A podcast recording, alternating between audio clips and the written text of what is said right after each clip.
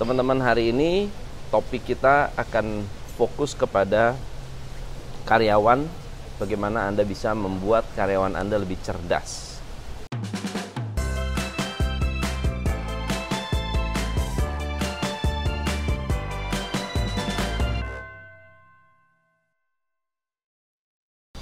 Beberapa riset menunjukkan bahwa karyawan atau business owner yang rajin mendengarkan audiobook memiliki kemampuan untuk meningkatkan ke kecerdasan kepekaan dalam bisnis. Jika Anda memiliki kepekaan yang cukup, jika Anda memiliki strategi yang baik, jika Anda memiliki karyawan yang tajam, bisnis Anda pun akan terbantu.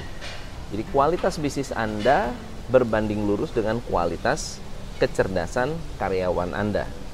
Dan rekomendasi saya adalah Anda boleh mengajak karyawan untuk mendengarkan audiobook.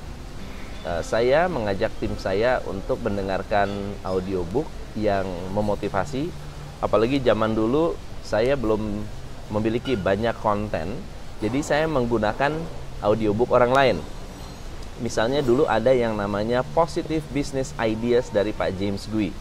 Wah itu saya beli semua tuh.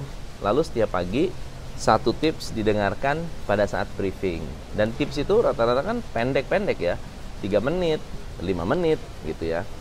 Uh, dan ketika mendengarkan itu, mereka menyimak, mereka uh, mendengarkan, menjiwai informasinya, dan lama-lama karena seperti dapat nasihat, akhirnya aktivitas mereka lebih baik, lebih canggih. Nah, tetapi ada poin lain yang mendukung yang mendukung uh, kecerdasan Anda. Yang pertama adalah mengenali like and dislike. Mengenali apa yang disukai dan yang tidak disukai oleh setiap karyawan Anda. Apa yang kita lakukan untuk membuat tim kita lebih solid adalah ada satu sesi ya di mana saya mengumpulkan teman-teman eh, karyawan-karyawan saya. Lalu masing-masing boleh sharing apa yang paling dia sukai dan apa yang paling tidak disukai. Misalnya saya itu paling suka dalam hal bekerja misalnya saya paling suka ketemu customer. Paling saya nggak suka itu kalau diburu-buru. Ya misalnya ada lagi yang lain. Saya paling suka kalau jualan. Saya paling nggak suka uh, kalau disuruh bikin administrasi Nah, semakin Anda mengenali like and dislike dari karyawan Anda, uh, mereka akan lebih mudah untuk diarahkan kepada apa yang disukai. Anyway, yang disukai berkaitan dengan pekerjaan. Oke? Okay? Yang kedua, Anda harus sering-sering memberikan pujian di muka umum. Ya, sering-sering memberi pujian di muka umum. Memberikan pujian itu kebanyakan orang kurang nyaman. Kenapa? Karena kita diajarkan anak itu jangan sering-sering dipuji, kan nanti gede kepala. Anak itu jangan sering-sering diberi pujian, kalau enggak nanti kepalanya meledak gitu ya, atau hidungnya bengkak. Tapi sebetulnya rekognisi yang baik adalah di umum. Kritik yang baik adalah empat mata. Kalau Anda mau kritik, lebih baik empat mata. Kalau mau memberikan pujian lebih baik di muka umum. So, jadi ketika Anda meeting, briefing atau misalnya Anda punya event, Anda bisa mengumumkan atau memberikan pujian. Contohnya kalau ada karyawan yang misalnya melakukan uh, pelayanan yang baik pada customer dan Anda kenali, Anda ceritakan tuh. Misalnya, wah saya senang banget hari ini saya ketemu dan melihat salah satu karyawan saya si Agus melakukan pelayanan yang luar biasa, inisiatif yang luar biasa untuk karya untuk customer. Jadi benar-benar dikasih uh, masukan yang positif. Kita perlu melakukan yang namanya goals alignment untuk membuat karyawan lebih cerdas. Karyawan yang punya goal itu lebih powerful daripada karyawan yang nggak tahu mau ke mana. Sehingga ketika Anda memiliki karyawan yang mulai banyak dan mereka tidak tahu arah hidup mereka, kerjanya pun tidak terarah. Nah, yang lebih bagus adalah melakukan alignment. Alignment artinya menciptakan goal bersama-sama untuk meraih prestasi di perusahaan. Oke. Okay? Untuk meraih prestasi di perusahaan sehingga saat mereka bekerja itu yang dipikirkan adalah goal bersama. Yang keempat adalah hati-hati dengan rekrutmen. Kalau Anda rekrut orang yang salah, maka kualitas SDM Anda akan salah juga. Kecerdasan SDM Anda akan terpengaruh.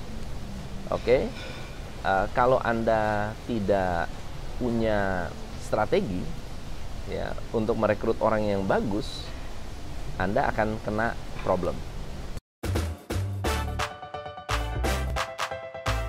Uh, ada dua poin terakhir uh, yang akan membuat karyawan itu uh, meningkatkan kecerdasan, yaitu yang namanya enthusiasm. Enthusiasm atau atau antusiasme adalah sebuah produk dari rasa syukur. Karyawan yang antusias adalah karyawan yang bersyukur. Semakin bersyukur, semakin antusias.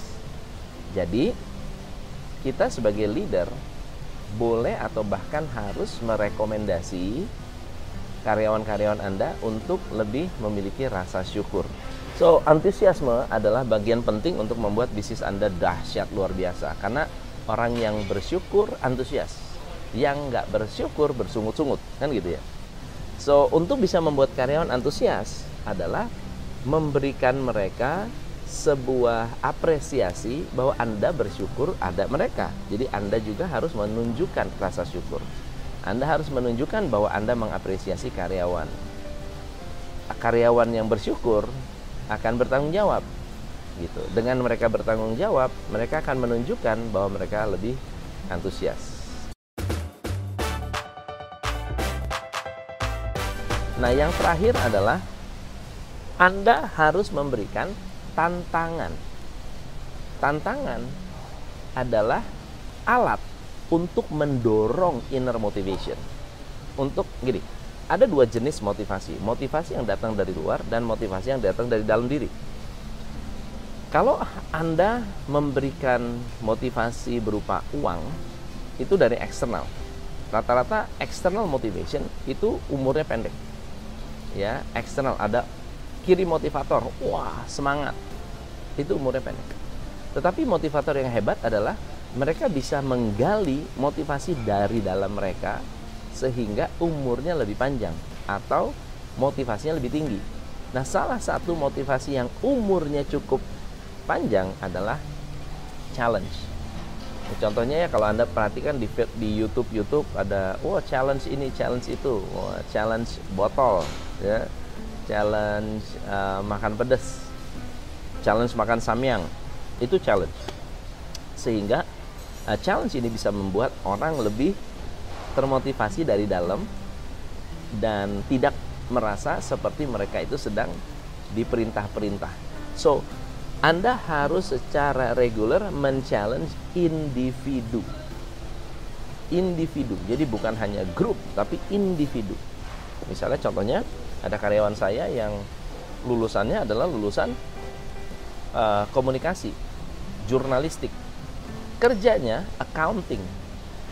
Terus saya tanya, kamu ini ngapain waktu itu dulu waktu dulu kuliah jurnalistik itu kenapa? Dia bilang, "Oh, saya punya passion, Pak. Saya senang nulis, saya begini begini begini." Saya bilang, "Kenapa kamu nggak nulis aja sekalian? Yuk kita nulis. Saya ajak kamu untuk saya challenge kamu untuk membuat skrip atau menulis artikel. saya tantang, terus saya tantang. Bikin saya kasih saya dua paragraf, nanti dua paragraf itu saya akan koreksi. Kamu saya minta untuk menambahkan terus, uh, perbaiki terus teknik tulisannya. Senang banget. Jadi benar-benar cepat banget kerjanya.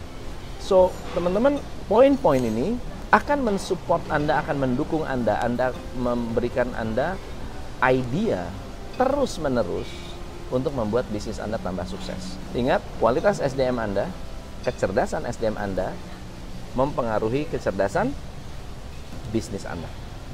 Makin sukses karyawannya, semakin sukses juga potensi bisnis Anda ke depannya. So thank you so much buat teman-teman yang sudah um, ikut simak hari ini dan saya Tom MC Ifle. Salam pencerahan. Hanya di Top Coach Indonesia.